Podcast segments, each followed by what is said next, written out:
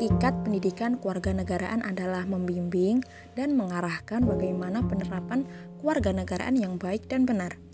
Di sini saya akan mencontohkan bagaimana sih penerapan nilai-nilai berbangsa dan bernegara dalam lingkungan keluarga.